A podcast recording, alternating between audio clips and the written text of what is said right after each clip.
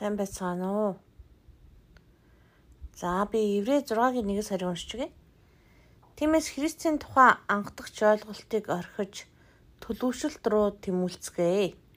Ингэхдээ өгсөн үйлсээс гимшлийн болон бурханд итгэх итгэлийн баптизмод болон гараа тавих тухай өгсдөө самилуулагдах болон мөх шийтгэлийн тухай сургаалуудын сурыг дахин дахин тавихгүй байна. Энэ нэшлийг нэг хүн уншиж өгөөд л одоо эдгээр чинь буруу болсон. Энийг би шаран шаал төлөвшлөлт рүү орохоор гар тавьж залбирах шаардлага байхгүй болсон гэж надад хэлж өгч үлээ. Би юу гэжтэй би гар тавьж залбирсан барай л байх болоо гэж хэлсэн. Тэгвэл чи төлөвшөөгүй хүн байна гэж надад хэлж үлээ. Сайн унших юм бол тийм биш.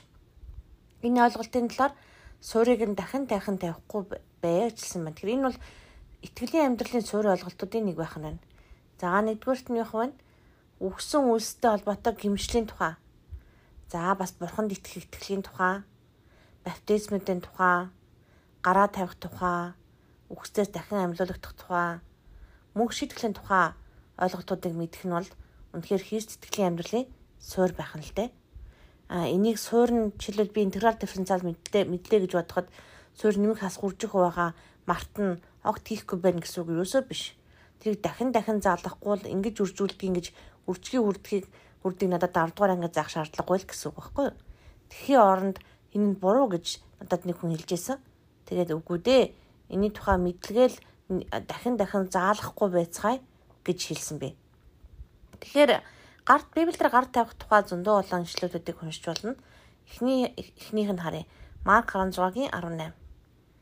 Итгэгчдад энэ тэмдгүүд дагалднаа. Миний нэрээр тэд төрүүдийг зайлуулж шинэ хэлээр ярина. Тэд моог барина, тэд өхүүлэх ямар ч юм уусан тэр нь тэдэнд хор болохгүй.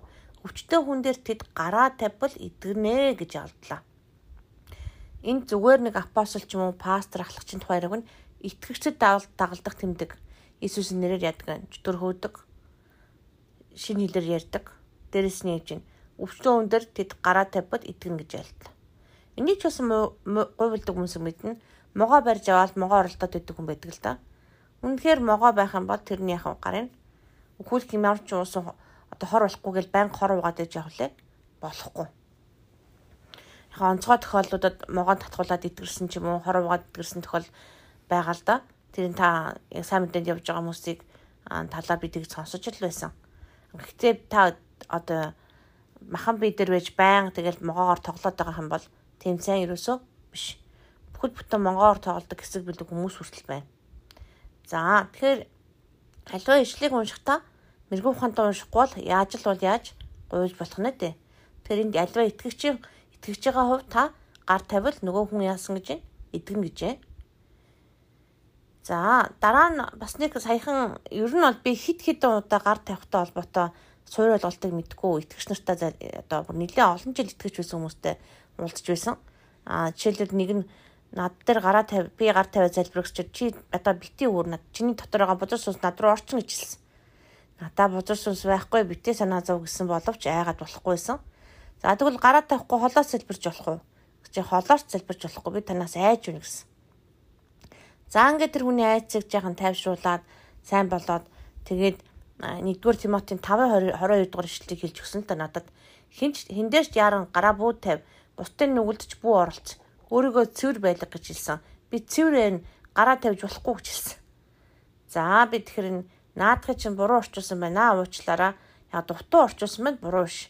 1-р Тимотийн 5:22 энэ дээр англиар нь унших юм бол do not hurt to lay hands on anyone obtaining approving someone. Тэгэхээр ямар нэг хүнийг албан тушаалд үйлчлэл болон сүмийн албан тушаал офис гэж байгаа. Гар тавихтаа бүү яраа гэж хэлж байгаа юу гэсэн үг юм бэ гэхээр тухайн хүний альбом тушаал тавихтаа тухайн нэг шалгаа гэж хэлж байгаа. Тэгэхээр альбом тушаал тавихтаа бас гар тавьдаг байсан байх л да. Энэ талаар харах юм бол үйлс 6-гийн 6 харъя. Харин ахтун ахтун нар минь сүнс болон мэрэгэн ухаанаар дүүрэн нэр хүнд бүхий 7 эрийг та нар дундаасаа сонгоо. Тэгээд энэхүү үүргийг тэдэнд хариуцуулъя гэд үүрэгт альбом тушаал тавилж байгаа. Харин бид залбиралт болон үгийн үйлчлэлд өөрсдөө зориулъя гэв. Энэ саналыг бүх хүмүүс дэмжиж итгэл ба ариун сүсээр дүүрэн Стефан болон Филипп, Прохор, Никанор, Тимо, Тимон, Пармен болон Антиокийн сүсгтэн Никол нарыг сонгожээ. Тэгээд тэднийг элч нарын өмнө ирүүлэхэд тэд залбирцгаасын дараа гараад тэдэн дээр тавив гэж. Тэр энд гар тавилтын тухай ярьж байгаа. Үйлс 6-гийн 3-аас 6-гийн гар тавилтыг 1-р Тимотийн 5:22 дээр ярьж байгаа. А тэрнээс биш одоо залбирахтаа одоо айн мэн гэсэн ойлголт гар тавихгүй гэсэн ойлголт ялангуяа өвчтөө хүн дээр бол байхгүй. Одоо тэрийг бид нар бол итгэгч нараас гарахгүй магадгүй бүр Иесусийн дагалдагч нар байгаа. Иесус юу гэдэг вэ? Иесус яадаг вэ? Гар тавьдаг байсан. За Лук 4-ийн 40-оос 41 уншия. Нар жаргах үеэр элдвийн өвчтөе хүмүүсийг Иесус рүү авчирсанд тэр хүн бүр дээр гараа тавин тэднийг идгээж байлаа.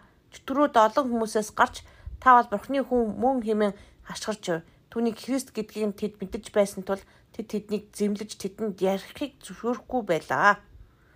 Тэр яасан бэ? Өвчтөө 9 жилийн өвчтөө элдвийн өвчтөө гэж байгаа. Хүмүүсийг Есүс рүү авчирсанд тэр хүн бүр хүн бүр дээр гар тавин гэж байгаас бүр хүн бүр дээр тэднийг эдгэж байлаа. Тэр байтугай уйман өвчтөө арсны алдартай өвчин дээр хүртэл Есүс айхгүй гараад тавьж исэн. Бурхны нэгэн ариун нэгэн би мөн та нар бузар мөнд хүрчүүл бузар болчихно гэд Есүс тэхгүй байгаагүй гараа тавьдаг л байсан. Итгэгчийн хувьд гар тавих нь олон олон шалтгаантай байна. Аа тэгэхээр чин энэ дээр бол бас ариун сүнсээр дүүрэх үйлс байна. Тэгэхээр сама самар жишээлбэл үйлс намын 8:14-аас 17 харъя. Самар нь Бурхны үгийг хүлээн авсан Иерусалимийн дах элчтэр сонсоод Питер Йоханыг тэдэн рүү явуулав. Тэд ирж тэдэнд ариун сүсийг авахуултын төлөө залбирчээ. Учир нь тэдний хинт ч ариун сүс хараахан буугаагүй байсан бөгөөд тэд эзэн Есүсийн нэрээр зөвхөн баптизм хүртсэн байлаа. Тэгээд тэр хоёр тэдэн дээр гараа тавихад тэд ариун сүсийг хүлээн авчулаа. Гэт яадаг вэ? баптизм хийлгцсэн мөр усан баптизм хийлгцсэн хүмүүс ариун сүнс байхгүй байсан гэж хэлж байгаас тэгээд тэднэр дээр илж гар тавихад ариун сүнс яасан гэж байна сүнсийг хүлээж авсан гэж. Тэгэхээр элчнэрийн гар тавилтаар ариун сүнсийг яасан байна? Хүлээж авсан байна. Тэгэхээр олон олон болдог байсан байгааз гар тавилтаар холбоотой хүмүүсийг томилж болно, тосолж болно, эдгэж болно, чөлөөлж болно, ариун сүнсийг авч болно. Тэгэхээр гар тавилт бол цуур ойлголт байгаа. Энэ талаар өөртөө бас хайж олж уншаараа. Тэг хин нэгэн дээр өвчтөө нэгэн дээр гар тавь залбирахаас бүү айгаараа. Аа тийзээж хинч гар тавьж болно. Ахлагч пасторууд тавьсан болон жирийн нэг итгэж тавьсан болно.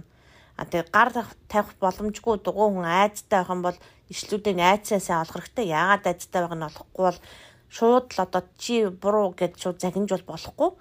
Ямар ч учир шалтгааны улмаас тэр хүн айцтай байж болно.